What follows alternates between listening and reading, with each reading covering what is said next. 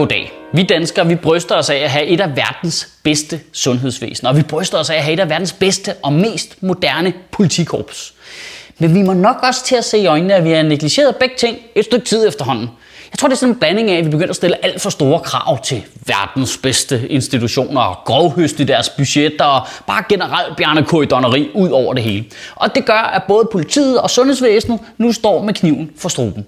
Og det er i nogle tilfælde ret bogstaveligt, fordi nedskæringer i psykiatrien gør, at psykisk syge mennesker, der bør indlægges, ikke bliver indlagt. Og psykisk syge mennesker, der ikke er klar til at blive sendt hjem, bliver sendt hjem.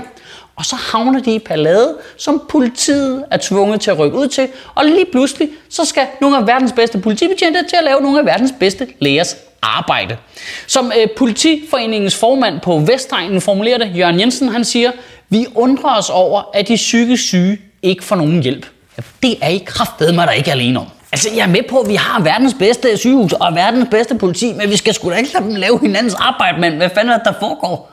Sidste år, der rykkede politiet ud til mere end 900 sager, hvor der var psykisk syge patienter involveret.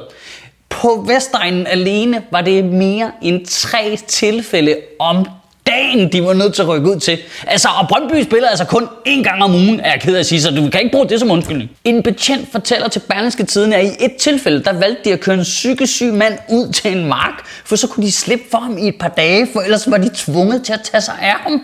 Det er lige et af verdens rigeste lande, der bare behandler en psykisk syg person, som om det er sådan en hund, vi ikke lige gider tage os af længere. Det, det er jo et fucking menneske, mand. Det er jo, det er jo ikke en bipolar grævling eller sådan noget. Jeg ved ikke, hvad det er med psykisk sygdom, der gør, at vi ikke tager det lige så alvorligt som fysisk sygdom. Prøv at tænke på, hvis det var det samme. Hvis vi gjorde fuldstændig det samme med fysiske sygdom. Ja, ja så er din far jo så fået konstateret kræft, og han bliver sgu hele tiden ved med at komme og kræve behandling. Men altså, det har vi ikke ressourcer til, så vi har sat ham af ude på fælden, og så må vi se, om han kommer hjem igen jo. Og det er vigtigt. Det er altså ikke en kritik af politiet, det her. Det er virkelig ikke en kritik af politiet, for de skal æde og stå model til meget lige for tiden. Jeg har simpelthen så ondt af dem. Altså, det er jo deres job at beskytte os alle sammen. Det, altså, det er deres job, at når der bliver skudt ud på gaden, så løber de ud på gaden. Altså hvis der er en anden, der beslutter sig for at pløje en lastbil ned gennem strøget, så er det dem, der skal løbe hen til lastbilen. Og hvordan hjælper vi dem så som samfund? Hey, kan I ikke lige tage de psykisk syge også? Hey, øh, har I fjernet tiggerne egentlig? Kan I ikke lige få ordnet det med dem med burkerne også? Det kunne være super fedt. Det kan I ikke bare... Hey, ved du hvad, vi mangler nogle penge på finansloven. Kan du ikke stille dig ud på Drønens Louises bro og lige genere nogle cyklister, der er på vej på arbejde? Det kunne være pisse. Hvad laver du egentlig her? Hvorfor er du ikke nede ved grænsen? Hvad siger du? Vil du have dine overarbejdspenge udbetalt? Vi har jo langsomt taget et af de mest betroede erhverv i vores samfund, politibetjent, og omformet det til sådan en form for skraldemand, eller sådan noget. Og det skrald, de skal tage sig af, det er de mennesker, vi som samfund ikke lige kan holde ud og kigge på. Det er sådan helt teenage pige OMG, de er klamme, de er klamme, de er klamme. Åh, få væk, jeg kan ikke kigge på dem, det er ulækkert. Øh.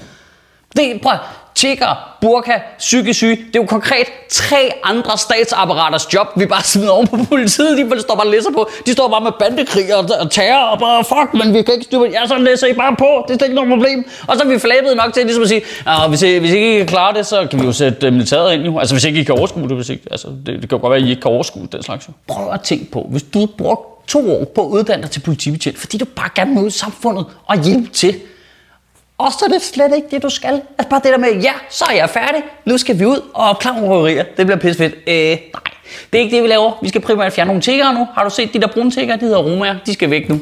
Øh, okay, men når vi så har fjernet dem, så kan vi vel opklare røverier. Nej, nej, nej, nej, nej, nej, nej. Det gider vi slet ikke bruge os tid på. For der skal være stjålet for mere end 50.000 kroner, før vi overhovedet starter en sag på det. Okay, så, så, så vi skal ikke opklare røverier begået mod fattige mennesker. Præcis, du har forstået det. Vi hjælper kun de rige, og derfor så er det tigger, og så er det romager og burkager, og så tager vi den bare ud. Det bliver pisse fedt. Jeg, jeg har simpelthen sådan dem. Altså, som jeg kender betjente, så er det jo bare mennesker, der vil gerne vil hjælpe andre mennesker. Det får de bare ikke lov til.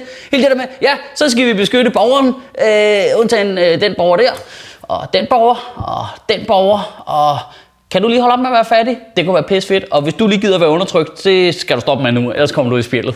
Jeg tror altså, at hvis vi bliver ved med at behandle politiet sådan her, så er vi nødt til at importere østeuropæiske politibetjente om 5-10 år fra nu. I ugen, der kommer, der synes jeg, du skal tænke over det her.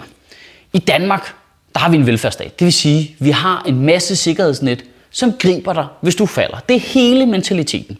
Men når vi så for eksempel tvinger de forskellige sikkerhedsnet til at lade folk falde igennem, lad os for eksempel sige, vi tvinger dagpengesystemet til at lade folk falde igennem der, så er der jo et andet sikkerhedsnet, så griber kontanthjælpen der, up. eller vi tvinger øh, psykiatrien til at lade dig falde igennem der, så griber kommunen eller politiet der.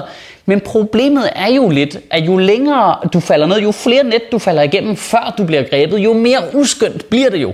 Fordi du ligesom bliver grebet af nogle hænder, der egentlig var beregnet til at gribe lidt nogle andre.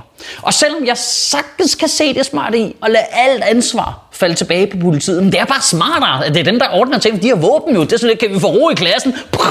Så er der en der, så er der ro på tropperne. Altså, men jeg tror måske personligt bare, at jeg vil foretrække, at det eneste job, vi er udliciteret til politibetjentene, det var politikernes. Kan du have en rigtig god uge og bevare min bare røv. Psykisk syge har 20% større risiko for at begå selvmord.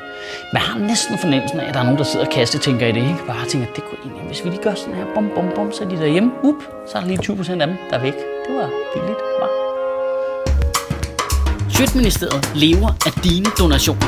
På tia.dk kan du oprette et donationsabonnement, hvor du giver lige præcis det beløb, du har lyst til. Og så kan vi lave flere interviews på Nørrebro Teater, flere taler, sende Sofie Flygt mere på gaden. Og hvis ikke du gør det, så er du en pig.